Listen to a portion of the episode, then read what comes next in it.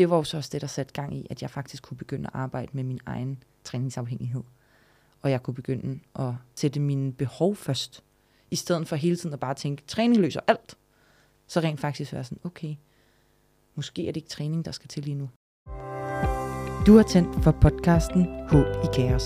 Podcasten er for dig, der er på vej ud af en spiseforstyrrelse, men ønsker at høre fra andre, hvad de helt konkret har gjort for at komme ud af den. Det tager tid at slippe fri af en spiseforstyrrelses mange regler, og det kan føles kaotisk og helt uoverskueligt at stå midt i. Men i den her podcast får du historierne fra mennesker, der er lykkedes med netop det, for at bringe håb i kaoset. Motion, træning, fysisk aktivitet. Kært barn har mange navne. Og hvis man har en spiseforstyrrelse, eller er på vej ud af en spiseforstyrrelse, så er øh, det forbundet med kalorietælling, kompensering, regler, pligt, afhængighed, vægttab, dårlig samvittighed, øh, uro og restløshed og præstation. Det kan det i hvert fald være. Og øh, derfor så kommer vi til at bruge ordet bevægelse i stedet for. Fordi øh, bevægelse er øh, som sådan ikke øh, forbundet med at skulle være sund eller skulle tabe sig, eller gøre det i et bestemt antal minutter. Men øh, derimod så øh, er bevægelse, altså ordets betydning, handler om at gøre noget, som er løsbetonet. Og øh, det er rigtig vigtigt øh, for en recovery-proces, at træning bliver løsbetonet. Så derfor så kommer vi til at bruge ordet bevægelse, når vi snakker om det i recovery. Og dagens gæst er jo faktisk mig. Ja. Så øh, Sofie, hvad er dine forventninger til dagens episode? Jamen først og fremmest så glæder jeg mig jo bare mega meget til at høre din historie og høre dig fortælle. Øhm, og jeg er jo bare så fascineret af det her med, at træning har været din værste fjende, men også din største styrke, dit frirum. Øhm, det glæder mig vildt meget til at høre mere om. Og når jeg selv lige tænker på træning, øhm, aktivitet, så er det hele tiden forbundet med noget tvang. Altså noget med at ville modellere på sin krop på en bestemt måde, ville stræbe efter at skulle se ud på en bestemt måde. Øhm, og igen også rigtig meget sammenligning. Altså kig på andre kvinder og mænd for den sags skyld, sammenligne sin krop med andre. Øhm, noget, som man i princippet på rigtig mange punkter ikke er herre over, fordi det handler jo også rigtig meget om genetik. Mm. Øhm, så jeg kunne i hvert fald rigtig godt tænke mig at blive klogere på, hvordan kan man komme et sted hen, hvor træning, bevægelse er et rart sted at være, mm. og ikke er forbundet med at skulle præstere eller se ud på en bestemt måde. Mm. Ja, jamen øh, jeg vil øh, gøre mit bedste for at, at besvare dit spørgsmål. Ja. Øh, jeg har lyst til at øh, spole tiden tilbage mm. til 2008. Det er 15 år siden i år. Det er helt vildt, synes jeg, at Er tænke det et jubilæum? Kan vi sige, det er et jubilæum? Uh, ja, det må det, jo, det må det være. Ja. Fordi det er jo trods alt et recovery-jubilæum. Ja. Jeg er kommet ud på den anden side. Um, så lad os, øh, lad os endelig kalde det for et jubilæum. Lad os fejre det. Ja. Hvordan skal vi fejre det? Jamen, hvordan søren skal vi fejre det? Det må vi finde ud af Ja, bagefter. Men øhm, i 2008, der blev jeg indlagt med anoreksi. Og øhm, dengang, uden at skulle kritisere behandlingen eller systemet eller noget andet i den stil, så, øh, så fik jeg at vide, at jeg ikke måtte lave nogen form for motion.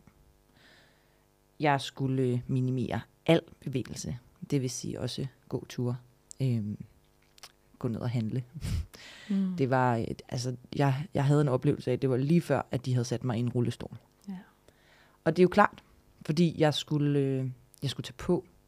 Øh, men problemet med den strategi var, at jeg havde fået opbygget en coping-strategi omkring træningen. Så når jeg trænede, så følte jeg mig fri. Så følte jeg mig fri af alle problemer. Jeg følte mig fri af uro og ubehag i kroppen. Jeg følte mig fri af forventningspres og øh, tanker om mad og alle de her ting, som raserede i min hverdag og i mit hoved på det tidspunkt. Motionen var min måde at lige slippe væk fra virkeligheden på. Selvfølgelig var det, havde det taget rigtig meget overhånd. Øh, så jeg motionerede alt, alt, alt, alt for meget i forhold til, hvad der var godt. Og det var jo også en mekanisme, som, det vidste jeg ikke på, den, på det tidspunkt, men det var en måde at distancere mig fra mine følelser på. Altså at køre mig selv så træt, at jeg ikke engang kunne mærke mig selv. Mm. Så, og det, og det var ikke sådan, at jeg, nu skal jeg snøre, snøre løbeskoene, og så skal jeg ud og løbe væk fra mine problemer. Det tænker man ikke. Nej. Altså det var ikke sådan den intention, jeg gjorde det med. Jeg var bare, hver gang jeg mærkede en eller anden form for en eller anden form for følelse, som jeg ikke kunne identificere, om det så var, jeg mærkede tit sådan en, et sug i maven, øhm, mm. sådan et ubehageligt sug i maven, øh, øh, sådan et, et sort hul i brystet, øh, en følelse af faktisk at blive en lille smule kvalt, altså ligesom om, at sådan, alting lukkede sig omkring brystkassen på mig, og nu står jeg sådan og prøver at vise det. Øhm, men hver gang jeg havde den følelse, så var, altså det triggede mig bare til at være sådan, nu skal jeg ud og lave noget. Nu skal jeg lave noget fysisk aktivt. Og det behøvede ikke at være en løbetur, eller det kunne også være at gøre et eller andet andet derhjemme i hjemmet. Øhm, men bare det der med at være i bevægelse. Og det er jo så ikke på en, den positive måde, som vi gerne vil mm. bruge ordet, men at jeg hele tiden lavede noget fysisk aktivt. Øhm, og da jeg så blev indlagt og fik at vide, at jeg ikke måtte lave nogen former for motion og fysisk aktivitet, så havde jeg jo pludselig ikke det relief. Jeg kunne ikke bruge det til at håndtere og have den her uro i kroppen og ubehag i kroppen. Og det, det, der var problemet, var jo så bare, at hvad skulle jeg så stille op med det? Jeg havde ikke lært at håndtere uroen og ubehaget og kunne være i det på det tidspunkt. Nej. Øhm, det er måske også meget at bede om for en 15-årig. Ja. Men, men, øh, men det var ikke... Øh, det havde jeg ligesom ikke lært.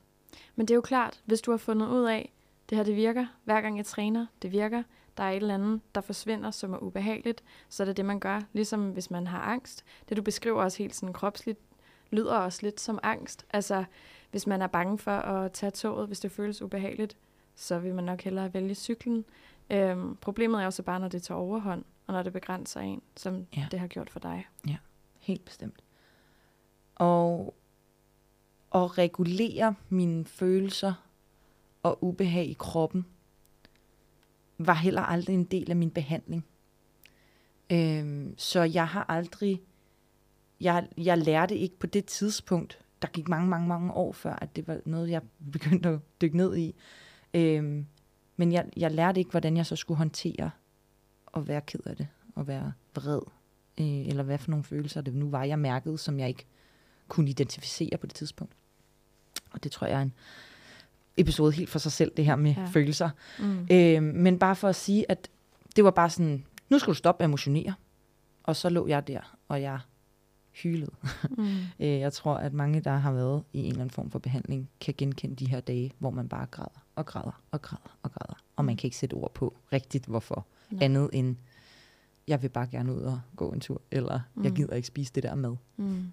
sådan, det, var, øh, det var det eneste konkrete, jeg kunne forholde mig til.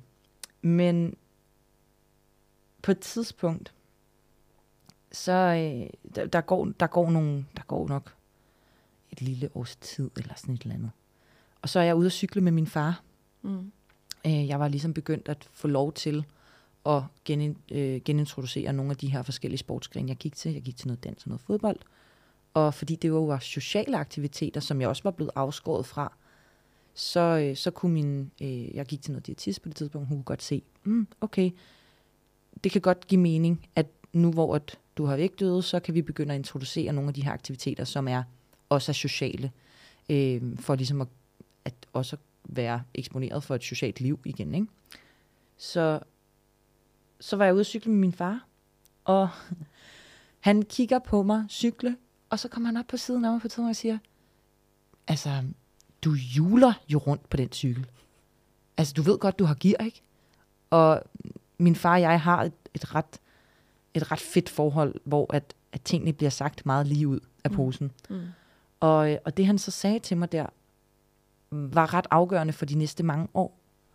Fordi han sagde, hvis du nu lige sætter den i et højere gear, så skal du bruge mere muskelstyrke til at træde rundt i pedalerne. Så kan du rent faktisk få bygget nogle muskler i benene. Hmm.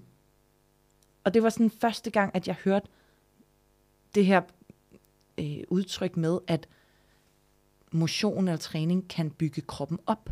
Mm. Og det har jeg, det, af en eller anden grund, så det er ligesom om, det er den vending, jeg har holdt fast i. Altså at motion, men også bevægelse, kan bygge mig op.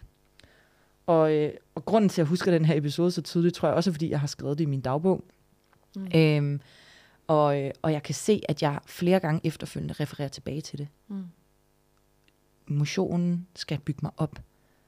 Min træning skal bygge mig op. Og, øh, og det var så ligesom fokuspunktet efterfølgende.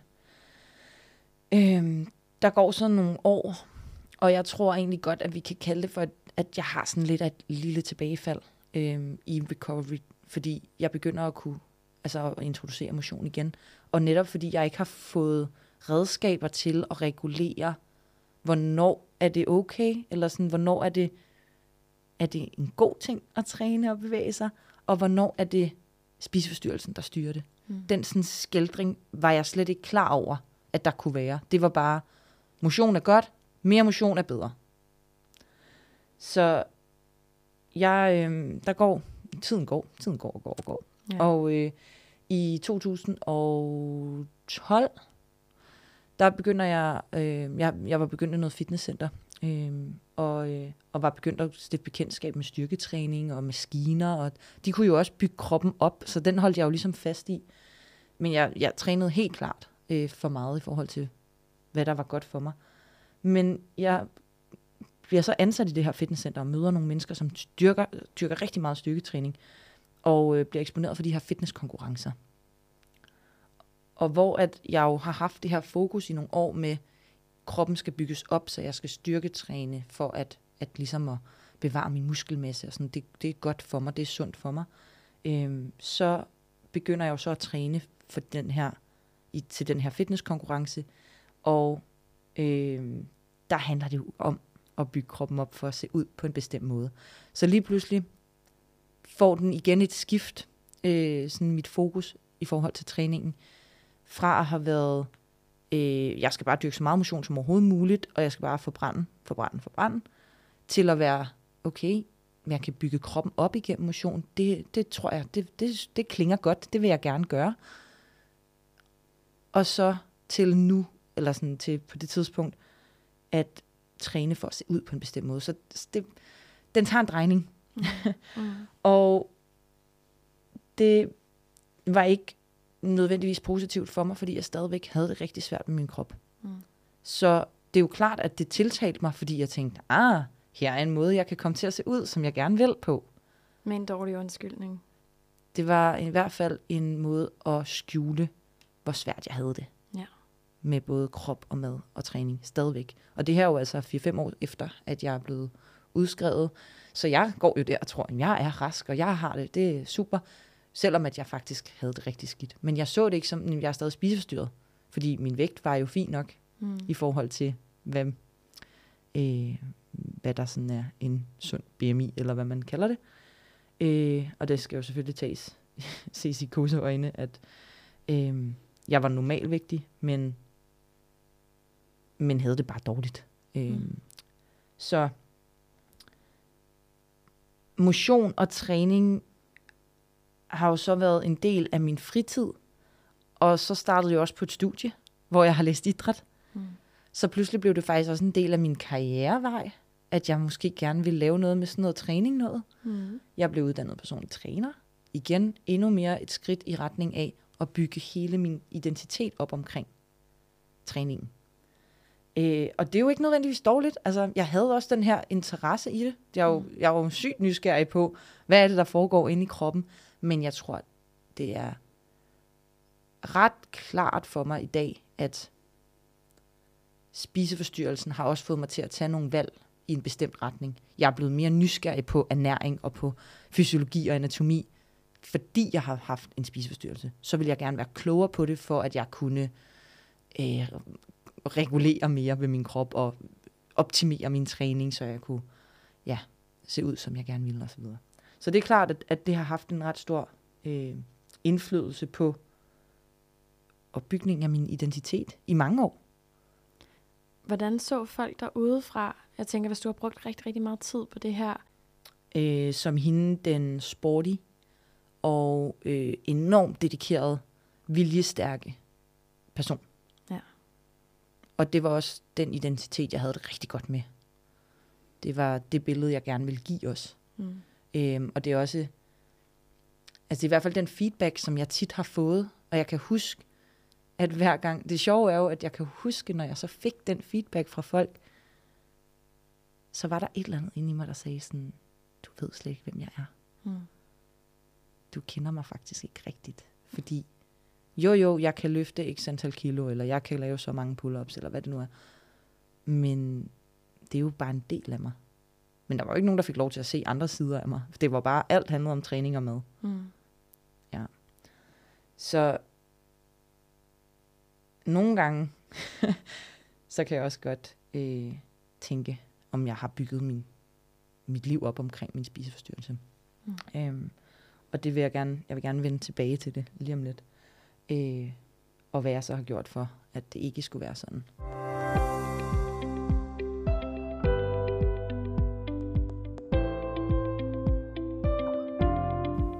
I 2016, 2017, øh, møder jeg så min øh, nuværende mand.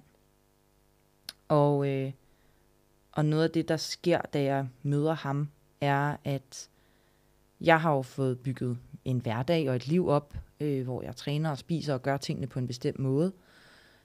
Øh, og da jeg så møder ham, er det ligesom om, at han holder et spejl op foran mig. Så jeg pludselig ser mig selv i det spejl. Altså igennem andres øjne, som du også lige spurgte om. Mm. Og hans et tilgang til træning, øh, og hans viden omkring øh, træning og en, øh, også om, om kost, gjorde, at han pludselig kunne udpege nogle områder, hvor at, at jeg måske ikke var klar over, at jeg havde et ret forstyrret forhold til min træning stadigvæk. Og at jeg, jeg er ret sikker på, at hvis jeg havde udfyldt sådan et schema over træningsafhængighed, så, var jeg, så havde jeg svaret rigtigt på alle spørgsmålene. Øhm, eller svaret rigtigt, men i hvert fald øh, havde jeg øh, slået ud på at være træningsafhængig. Mm. Øh, selv så langt efter, lang tid efter, at jeg var blevet udskrevet. Altså det, vi snakker jo 10 år efter. Ja. Øhm, og, øh, og det gjorde bare, at han hjalp mig til at se mig selv udefra. Han hjalp mig til at se og, og, og hvad hedder det, blive klar over, at der stadig var nogle ting, som ikke var godt for mig. Og det er jo så også klart, at på det tidspunkt har jeg jo taget en masse uddannelse og ved en hel masse og øh, rådgiver andre mennesker, træner, øh, altså personlig træner, øh, som, som, øh, som beskæftigelse osv. Og, og der fortæller jeg jo også andre om, hvordan de skal gøre. Mm. Men det var nemt nok for mig at fortælle dem. Ah, men altså, hvis du er skadet, så skal du selvfølgelig tage en pause, og hvis du er syg, så bliver man hjemme for træning, og selvfølgelig skal man det, og det, det sker der ikke noget ved. En uge på sofaen, det skader ikke noget. Men når det så kom til mig selv, så kunne jeg jo slet ikke det. Nej. Det var nemt for mig at give det videre, men det var ikke så nemt for mig at gøre. Og det var sådan det, jeg, det gik ligesom stille og roligt op for mig, hvor styret jeg var af nogle øh, overbevisninger og nogle tanker omkring træningen, øh, nogle regler. Ja. Men jeg tænker også, når man bliver forelsket, så er der jo noget, der træder i stedet for. Noget, der bliver helt vildt vigtigt for en. Noget, man virkelig bare gerne vil. Øhm, og verden forsvinder ligesom for en. Og hele din verden har jo været træning på det her tidspunkt. Mm. Så jeg tænker også, det kan have rigtig meget med det at gøre. At du var forelsket, der var noget, der var vigtigere end din træning. Ja, altså havde du spurgt mig, da jeg mødte ham, så sagde jeg jo ikke, at jeg var forelsket i ham. Nej. Så den, den her identitet med det meget stærke, øh, selvstændige, øh, vi plejer at joke med, at øh, jeg var, at jeg så mig selv som strong and independent. Og det er jo også en god ting, men det. for mig var det bare lidt for meget. Mm.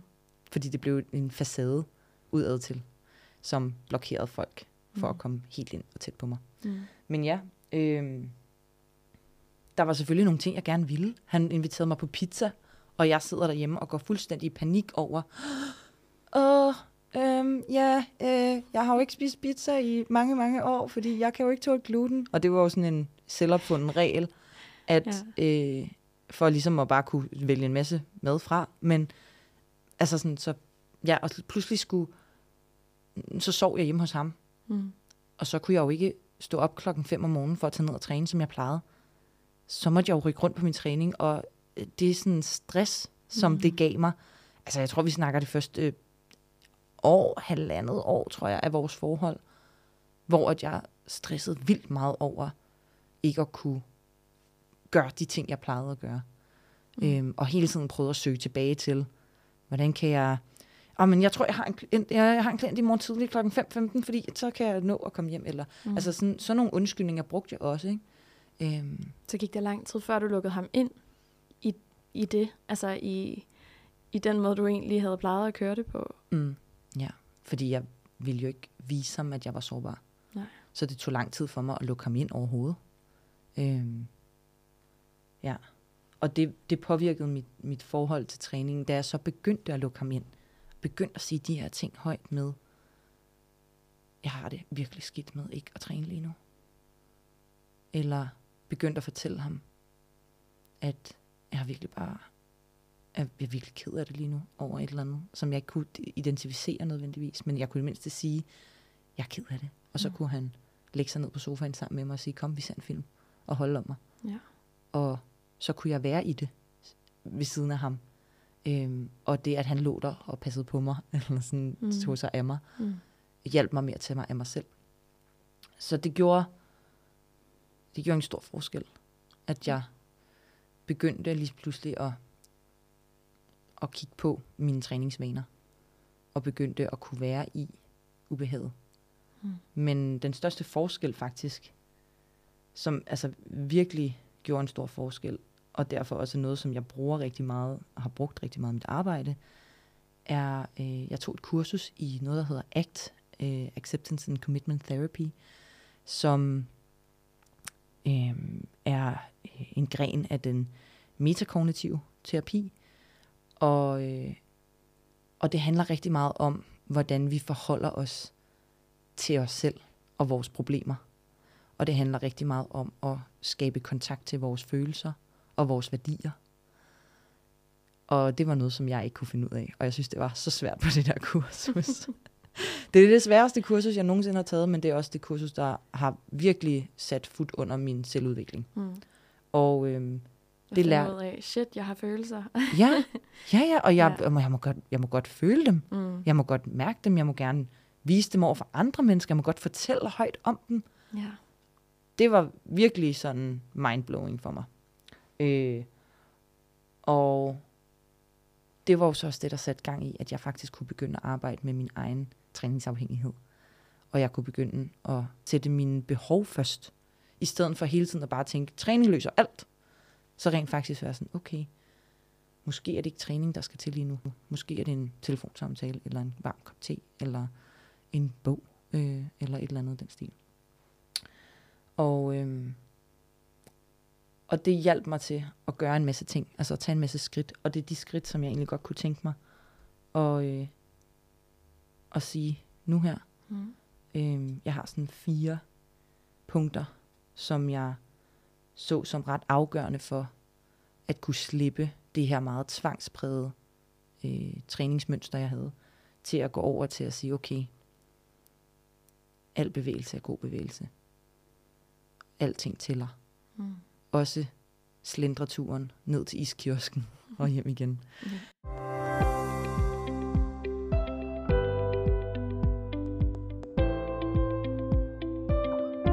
Den første ting var egentlig at eksponere mig selv for hvile og aktivt vælge træningen fra. Øhm, en måde, som jeg gjorde det på, var, at øh, min mands øh, forældre har en gård i Jylland, og øh, når vi besøger den, så er der ikke, øh, altså der er stor mulighed for at være fysisk aktiv og lave en masse bevægelse, men min træning, som jeg kender den, er der ikke så stor mulighed for.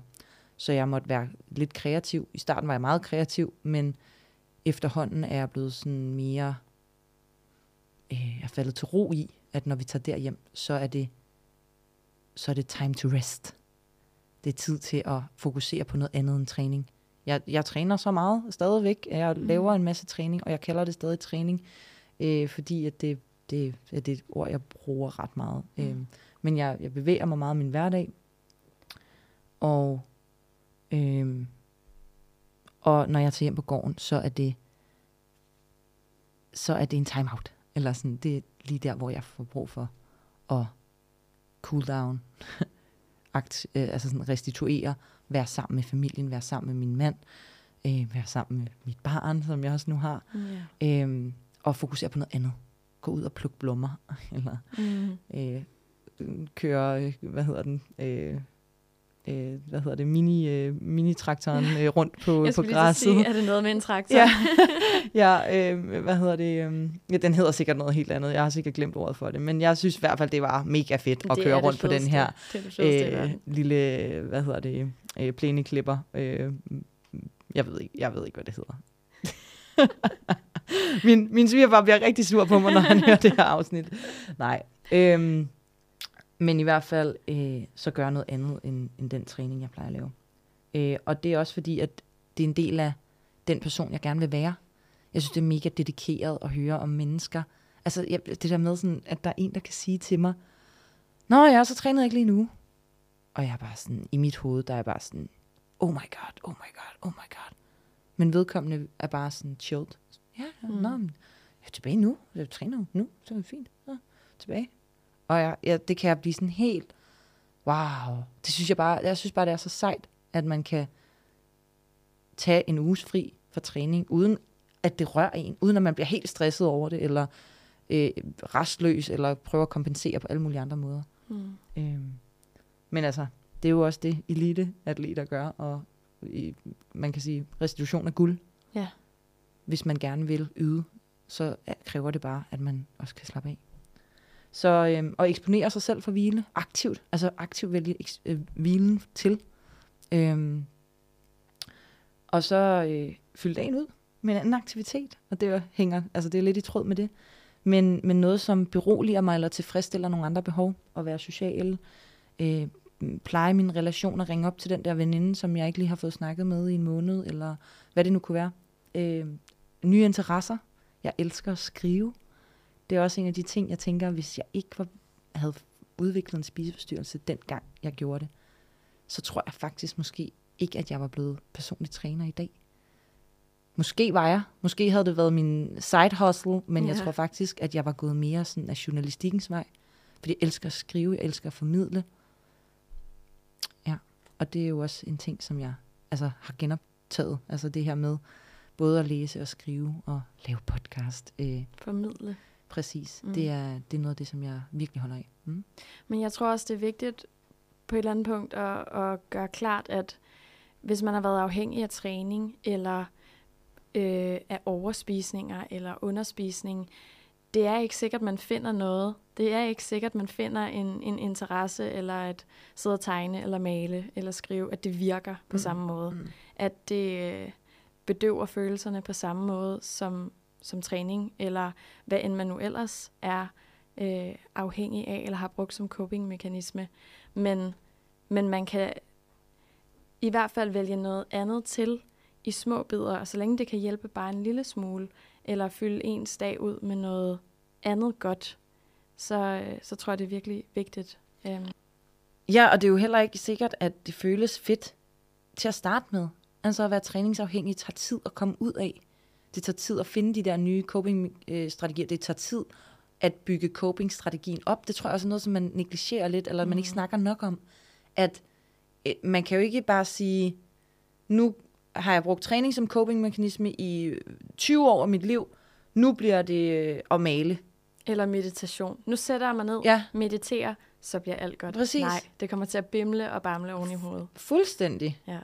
Og, og det er det der med, at coping-mekanismer bliver jo også bygget op. Det er jo noget, som man... Det er en vane. Mm. Så det er jo nogle, nogle neuroner op i hjernen, der skal stimuleres. Det er nogle nervebaner, der skal altså bygges op, før at man kan se det som værende noget positivt. Mm. Så, øhm, så og det leder os jo videre til at få nogle nye coping-strategier. Ja. Øhm, men jeg tror også, jeg har lyst til at sige, at det handler også om at kunne tappe ind i, hvordan har jeg det? Er jeg ked af det? Er jeg træt? Er jeg vred over noget? Øh, er der noget, der tynger mig? Og så finde ud af, okay, hvad kan jeg gøre lige nu, som kan berolige mit nervesystem? Fordi det er jo også noget, det træningen gør, det beroliger også. Altså selvfølgelig stimulerer man nervesystemet, og man træner og træner og øh, belaster det, men det udløser en masse endorfiner og en masse gode ting, som gør, at man bliver beroliget bagefter. Mm. Og, og det er det, når man så pludselig oplever en eller anden uro, en eller anden stress, så prøver man at, at dulme det med træningen. Men hvad kan man ellers prøve at gøre for det? Altså, hvor kan man, hvor kan man ellers sætte ind henne, som kan tilfredsstille det behov, eller øh, hjælpe en i det, man står i? Ja, og jeg tænker, det har jo nok også rigtig meget at gøre med altså, omsorg. Hvordan kan man give enten sig selv omsorg, mm. eller give sig selv omsorg ved at række ud mm. efter omsorg. Mm-hmm. Øh, det kan jo være, at man har brug for noget fysisk berøring. Det kan være, mm. at man har brug for nogen, der lytter. Mm. Øhm, det kan være, at man har brug for nogle rare lyde omkring sig. Det kan være alt muligt, men at hele tiden tænke selvomsorg ind i det. Jeg skulle lige til at sige selvomsorg. Altså, det er jo øh, det helt øh, store buzzword i øjeblikket. Øh, men jeg tror også, at det er vigtigt at sige det der med, at det behøver ikke at være meditation, eller at sidde og male, eller Nej. det kan også være at ringe til en veninde, eller gå ud og lave noget god mad, eller bage en kage, eller hvad det nu kunne være. Altså, at man ser en film, eller ligger på og ser Netflix, eller støvsuger. Altså, der kan være... Som opvaskemaskine. Alting kan jo nærmest laves altså, om til selvomsorg, ja. hvis det er noget, som hjælper dig til at falde til ro i det, du er i. Ikke fjerne ubehaget nødvendigvis, men at falde til ro i det. Mm. Den sidste øh, ting, som jeg har lyst til at nævne, er øh, at være opmærksom på, hvor jeg træner henne. Altså det træningsmiljø, man er i. Ja. Øhm, nu har jeg haft mit eget træningscenter ude i Valby, og øh, der er ikke nogen spejle, fordi det besluttede vi ret hurtigt, at når man har et spejl, når man har spejle i træningscenteret, så, øh, så fokuserer man på sig selv i spejlet. Og så glemmer man et, at fokusere på de andre mennesker, der er til stede. To, man fokuserer på en øvelse igennem spejlingen, i stedet for at mærke ind i, hvordan føles den her bevægelse i kroppen. Og det er nogle af de ting, som vi, vi har gjort rigtig meget ud af for vores medlemmer, men som jeg også har brugt rigtig meget på mig selv. At det var vigtigt for mig, at det træningscenter, jeg var i, skulle være positivt for min udvikling i forhold til det her med at, at komme ud af min træningsafhængighed. Øh, og så man kan hygge sig med træningen, og ja. have det sjovt med træningen, og at træning bliver noget andet end kun kalorieforbrænding og øh, pligt og dårlig samvittighed. Mm. Men man skal også være opmærksom på, fordi så kommer jeg også over i et andet center. Så, kommer jeg, så har jeg trænet nogle andre center, og så har jeg lige trænet i Jylland, eller et eller andet stil. Og der, noget af det, jeg er meget opmærksom på, det er, hvad for nogle trigger er der? Så udover at der er spejle, jamen det kan også være nogen, der snakker sindssygt meget om kalorier, eller øh, vægttab, eller øh, at skulle præstere hele tiden. Altså at vi skal til konkurrence i det her, og vi skal optimere. Og sådan. Det kan også være at kompensere for, åh, oh, jeg spiste også en stor stykke kage i går, og så skal jeg ned og træne. Sådan nogle ting er jeg også meget opmærksom på, at det kan også godt trigge mig, øh, hvis jeg er for meget omkring det. Øh, så det prøver jeg at, at være opmærksom på. Meget mm. fokus på vægt og udseende øh, prøver jeg også at skærme mig selv lidt mod, fordi det er, det er trigger mm. stadigvæk mm. øh, for mig. Og jeg vil helst bare, altså jeg kan ikke undgå det for evigt, men jeg kan i hvert fald være opmærksom på, hvor, hvor ofte jeg er eksponeret for det. Så hvis man skal snakke omkring at træne og bevæge sig i recovery, så er det rigtig, rigtig vigtigt at arbejde med, hvornår er det spiseforstyrrelsen, der styrer, eller de gamle spiseforstyrrede mønstre, man har, der hænger fast, og hvornår er det noget, jeg har lyst til, noget, der er godt for mig, noget, der bygger mig op, noget, der er selvomsorgsfuldt. Og det kan være sindssygt svært Ja. at skille. Det er noget af det allersværeste.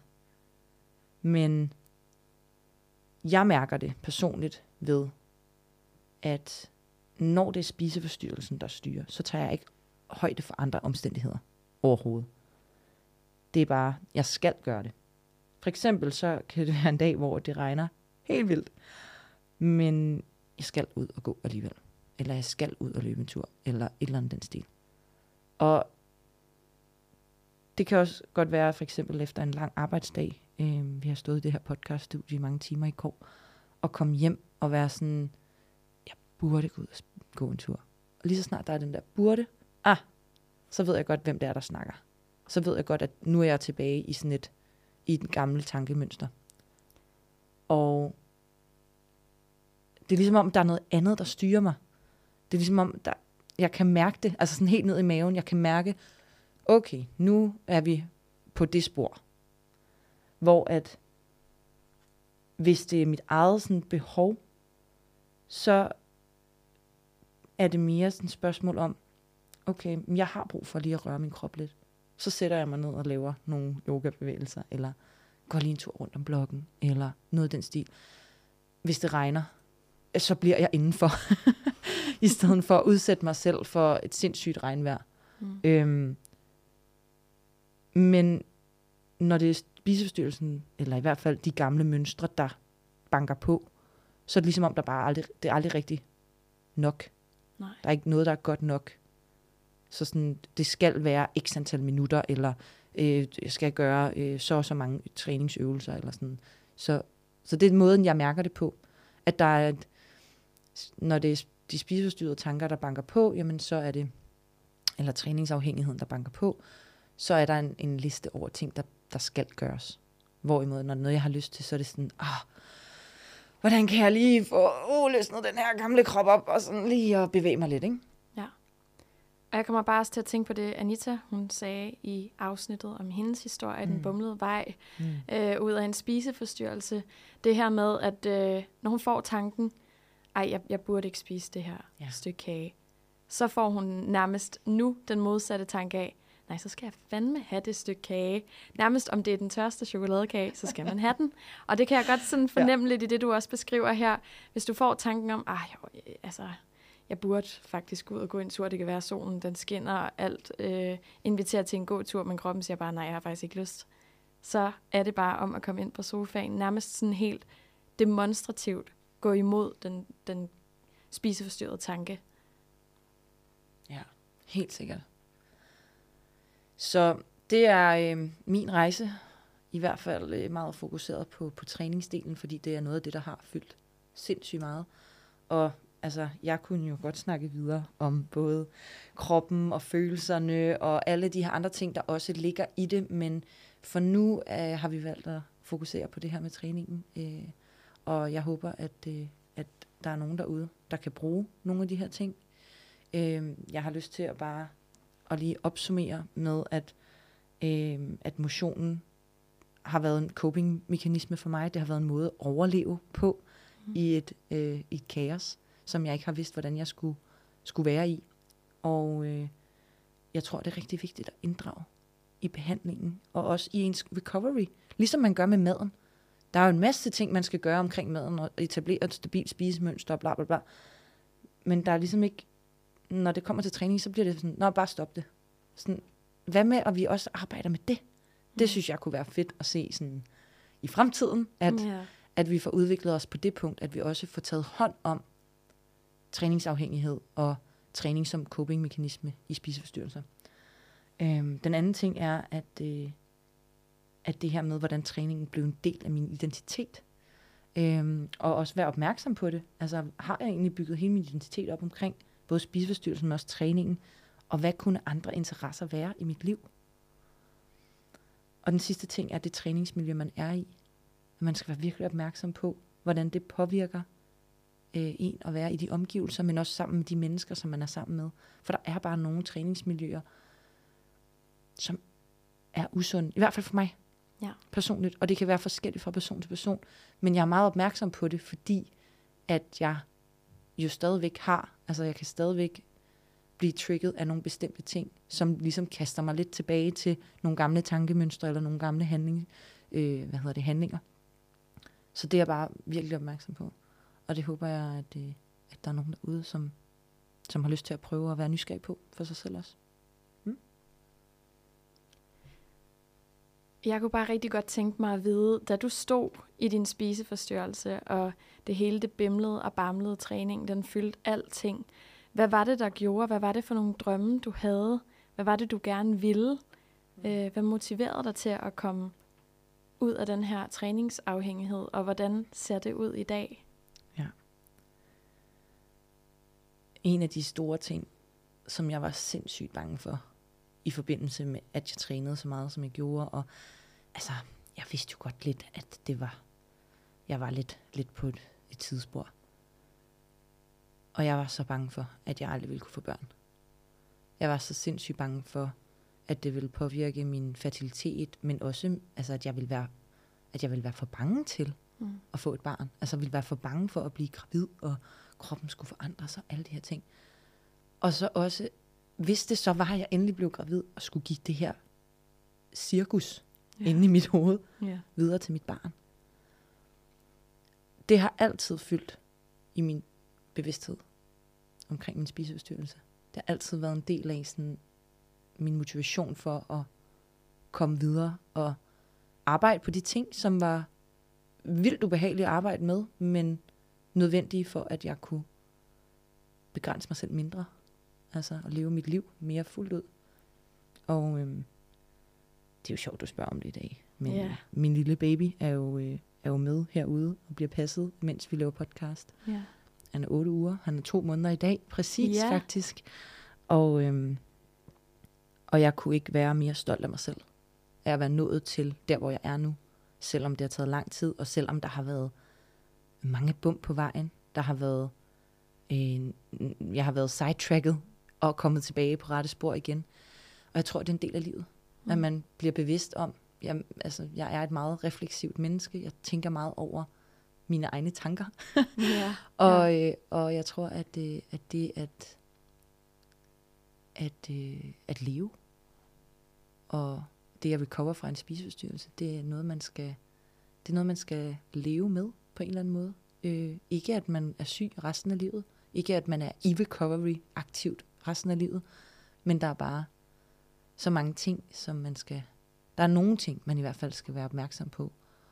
Øhm, og det måske ændrer sig. Altså lige pludselig, så er det noget andet, der fylder. Så kan det være, at det er de begyndende rynker i panden, som, yeah. som begynder at, at, være, at påvirke en i forhold til nogle, nogle tanker, øh, nogle, nogle usunde tanker. Mm. Og så ligesom være opmærksom på, hov, gribe sig selv, og så finde tilbage til det der selvomsorgsfulde spor. Ja. Ja. Mega, mega spændende at høre mm. dig fortælle om alt det her. Øhm, jeg føler lidt, at det overordnede for mig, det jeg i hvert fald tager med, det er det her med, der har været en kærlighed til din mand, nu mand, mm. Rasmus, mm. da han kommer ind i dit liv, øh, som har, har gjort, at du har haft motivationen til at, at, at skrue lidt ned for træningen. Mm. At det ikke var det, der er det vigtigste. Nu har du fået et barn, som om, om noget er en omvæltning, som om noget gør, at du ikke kan sætte din træning først. Det kan du ikke nu. Øhm, og at se den ro, du har, og den kærlighed, der er omkring det, og omkring din træning også faktisk, det, øhm, det synes jeg er virkelig inspirerende.